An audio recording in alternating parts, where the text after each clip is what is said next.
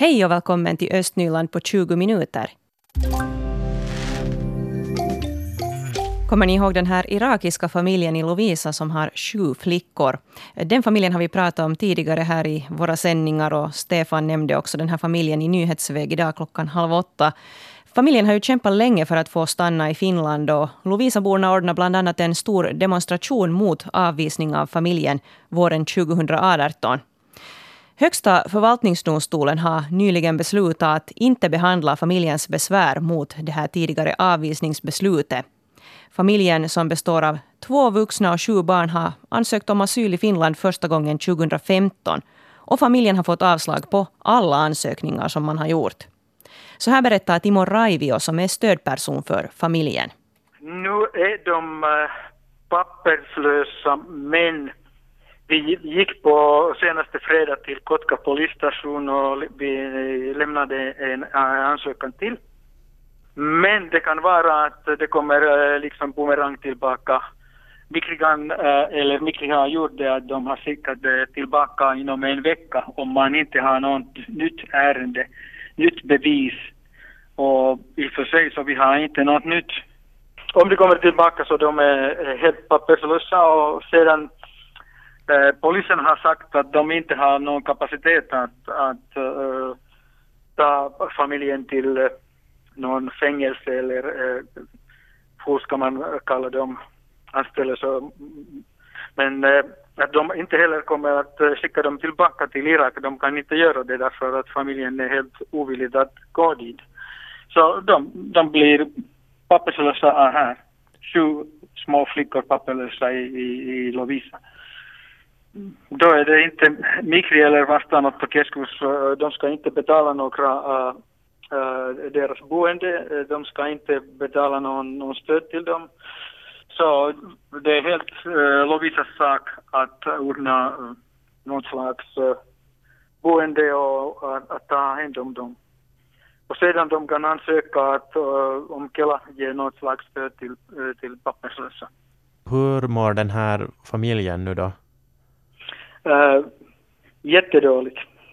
Jag skulle säga att eh, jag vågar inte säga hur dåligt de mår, men, men jättedåligt. Så de har liksom fått stöd hela veckoslutet att, eh, att det är liksom krisstöd som de har fått. Förvaltningsdomstolens tidigare beslut om att avvisa familjen är alltså i kraft. Och trots det så kan familjen ändå inte återvända till Irak. Enligt Timo Raivio så tar nämligen inte Irak emot sådana människor som inte vill komma tillbaka. För tillfället är det så här. Och föräldrarna är också säkra på att de kommer att dödas om de skulle åka tillbaka till Irak, säger Raivio. Reporter här var Pontus Nyqvist och vi har också en webbartikel om det här på svenska.yle.fi östnyland. Och Raivio han sa att det nu är helt Lovisas sak att ordna något slags boende och ta hand om den här familjen i och med att de är papperslösa och då inte heller får stöd från staten i någon form. Och vår reporter Stefan Härus han ringde därför upp Lovisas stadsdirektör Jan de Åkerblom för att fråga hur han ser på den här situationen. Jag tycker det är jättetråkigt att den här familjen inte nu får sitt ärende avklarat på ett sånt de ska få stanna och vi ska få en punkt för allt det här. Sen är jag nu inte någon vän av att man överhuvudtaget kan processera sådana här i sju omgångar eller mer. Lovisa har ju tidigare engagerat sig i, i, i deras öde. Kommer ni att göra det också nu? No, vi har engagerat oss just därför för att vi har tyckt att det här är, är lite väl uh, osmidigt och, och oprofessionellt skött och, och vi har poängtera att den här familjen ju har redan integrerat sig sedan länge för att det har tagit så otroligt med tid. Nu äh, kommer vi på det sättet att engagera oss, eller snarare kanske sköta våra plikter att i och med att de blir papperslösa så faller det ju på kommunen att se till att de har mat och husrum och det nödvändigaste. Så det kommer vi naturligtvis att se till att de har på stadens bekostnad. Är det något annat som eh, Lovisa Stark kan göra i det här skedet?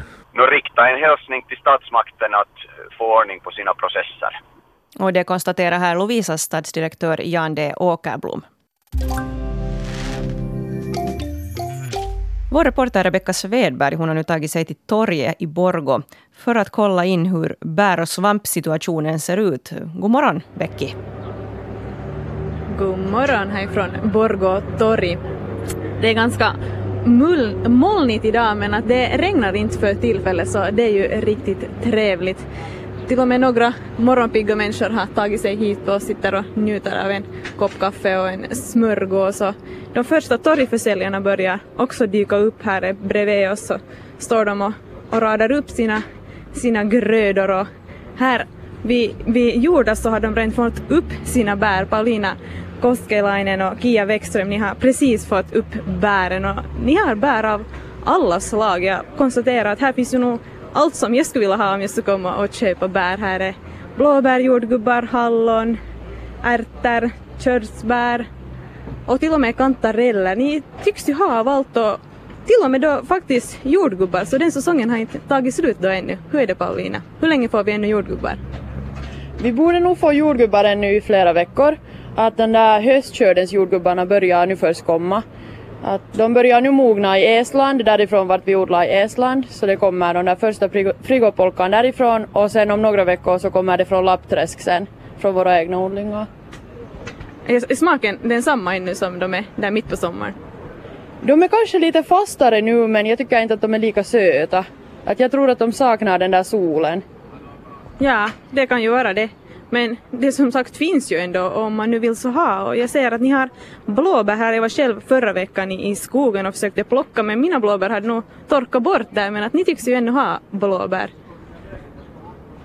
Ja, nu, nu kommer det lite men nu börjar det vara ganska på slutrakan nu att om man ska ha lådor så lönar det sig nu komma under de närmaste dagarna och köpa. Att våra blåbärsplockare så de börjar nu om några dagar flyga hem för att det inte riktigt finns mera blåbär. Så.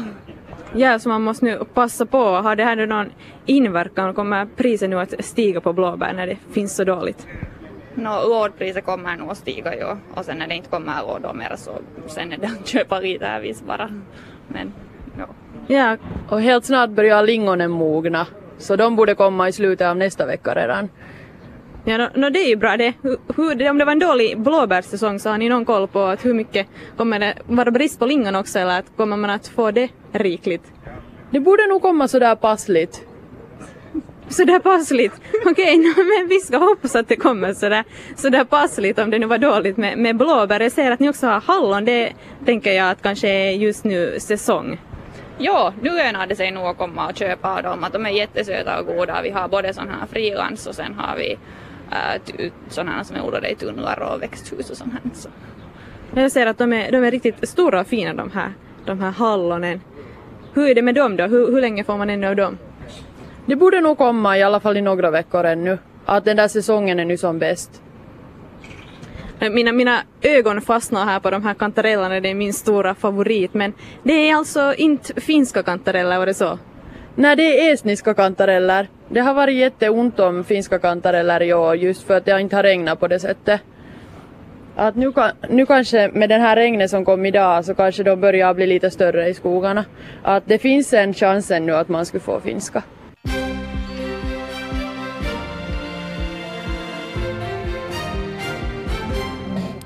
Klockan är halv nio. Nu senaste nytt från regionen Östnyland med Stefan Härus. God morgon. Orsaken till varför Villa Berga på Kärvostads rekreationsområde i Nikuviken i Borgå fattade eld i fredags är ännu oklar. Huset totalförstördes men ingen skadades i branden. Det eldhärjade huset har nu rivits med hjälp av en grävskopa. Polisen undersöker som bäst brandorsaken, bland annat med hjälp av material från övervakningskameror som fanns på platsen. Tills vidare är det ingenting som tyder på att brott skulle ha begåtts, säger polisen, som tidigast om en vecka kan uttala sig om brandorsaken. Lovisa-familjen som sökt asyl i Finland är nu papperslösa. Högsta förvaltningsdomstolen har valt att inte behandla det besvär som familjen lämnat in. Det här betyder att förvaltningsdomstolens tidigare beslut om avvisning träder i kraft. Familjen kommer från Irak och är bosatt i Lovisa. Familjen består av två vuxna och sju flickor. Enligt familjens stödperson Timo Raivio har de nu gjort en ny asylansökan. Användningen av narkotika har blivit allt mera öppen i Östnyland. Det här skriver tidningen Osima idag. Också narkotikabrotten har ökat i regionen i jämförelse med motsvarande tid i fjol. Polisen har registrerat 1039 narkotikabrott under tiden januari-juni, vilket är en ökning på drygt 7 procent jämfört med i fjol. Statistiken gäller visserligen hela området där polisinrättningen i östra Nyland är verksam, det vill säga också Vanda och Träskända. Polisen säger att man inte kan spjälka upp resultatet per kommun, men att andelen brott är större i städer och tättbebyggda områden i hela regionen. Så en nyhet relaterad till vintern. Invånare i Söderkulla, Tasträsk och Hansas i Sibbo är nämligen missnöjda med vintervägunderhållet. Det här framkommer i en rapport sammanställd av kommunen. Mest missnöjda var man med de snövallar som uppstår i samband med snöplogning. Många svarare tyckte att vallarna placerades på olämpliga platser. Majoriteten av de som svarat på enkäten för Nickby, Talmo och Lönnbackas del tyckte att plogningen och halkbekämpningen var måttlig. Däremot upplevde största delen att belysningen i dessa områden under vintern är bra. Ja, timmarna i vattnet de blir många för de barn som är med på Folkhälsans livräddarläger på Joensuun Tilla i Söderkulla i Sibbo. Lägerdeltagarna de håller precis på att avsluta ett pass i vattnet då Yle Östnyland hälsar på. Ännu ska de öva på att dyka distans. Uh, Emil, orkar du plaska en liten stund till? Amelie och Emil, vad har ni gjort idag? Vi har simmat det där och dy dykit och vi har lekt bananhippa och så har vi det där räddat några. Eller lekt livräddning.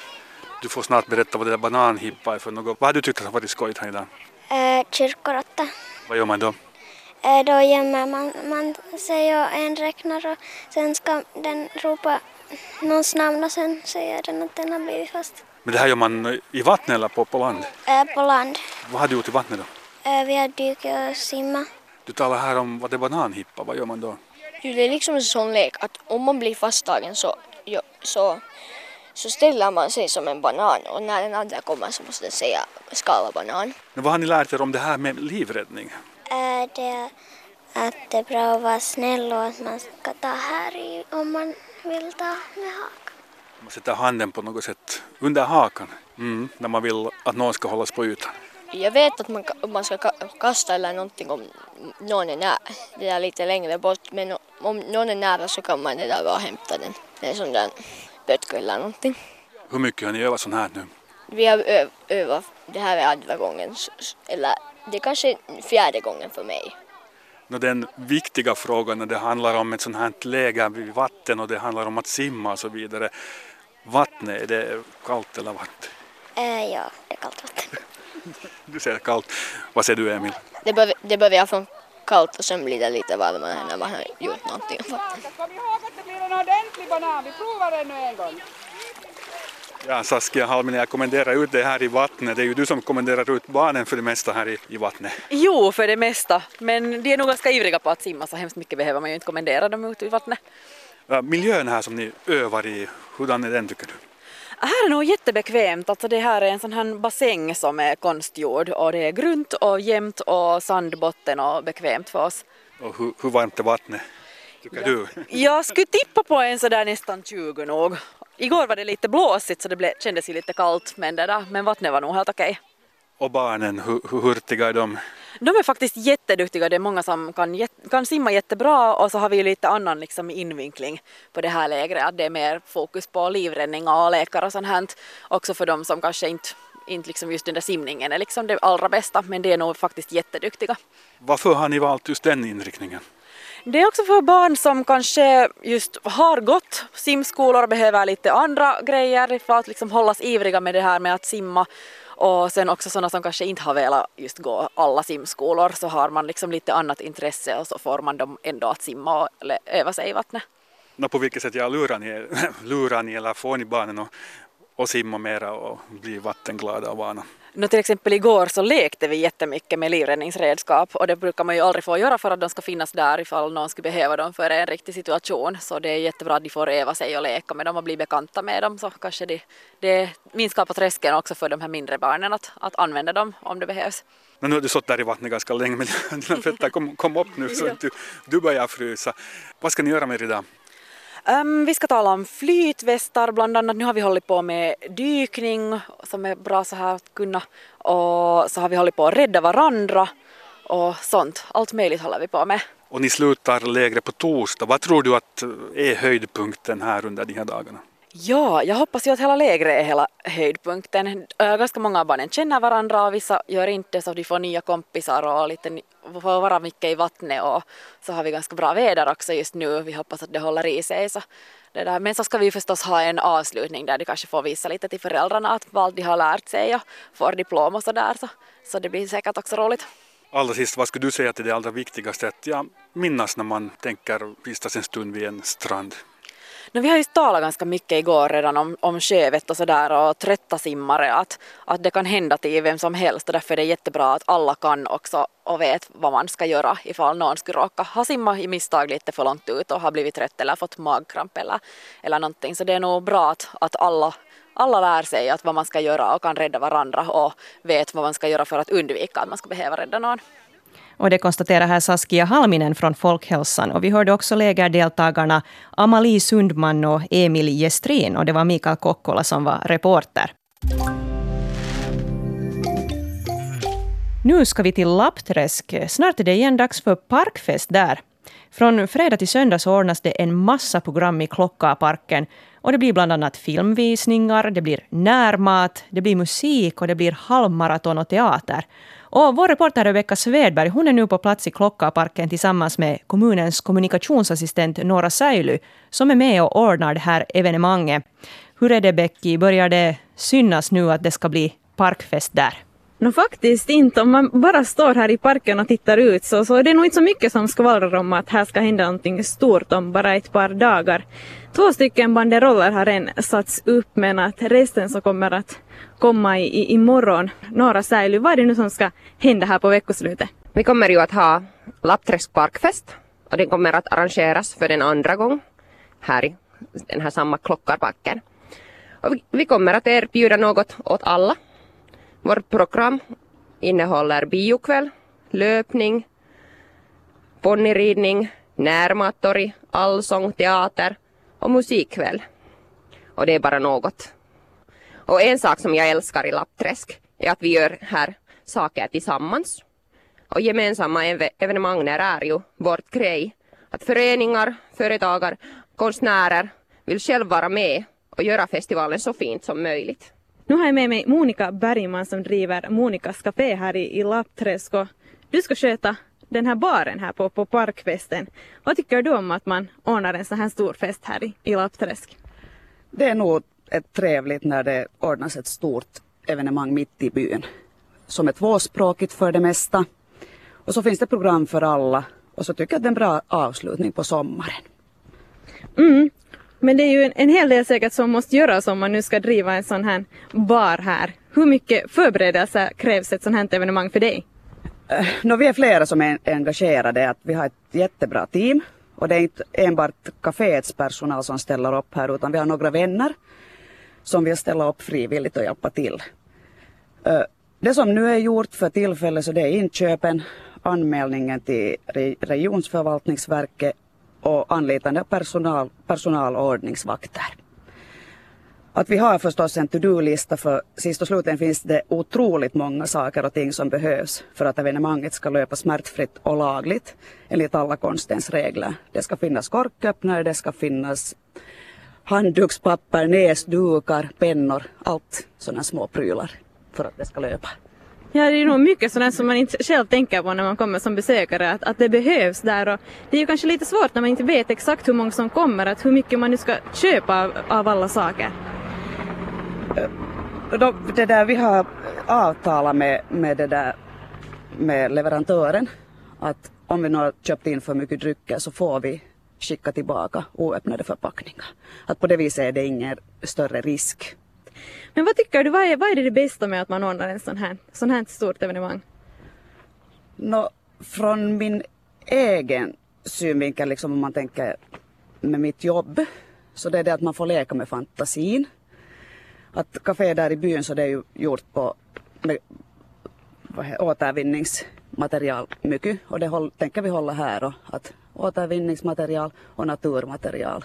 och lite leka med den där hur man prydar upp stället, att det ska bli hemtrevligt. Ja, kan du berätta lite något mer om det? Hur kommer det att synas? Nå, när reven är ju det där logon för Lappträsk så i år tänker vi ha rönnbär. Okej, spännande. Ja, för jag har sett här nu i träden att det finns en, en hel del rönnbär i år så det är säkert inte brist på att få tag i sådana. Nej, att det är nu den där som jag börjar med och så bygger jag upp från rönnbären.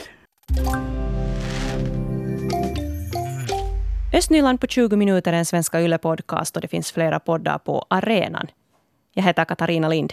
Tack så mycket för sällskapet. Vi hörs!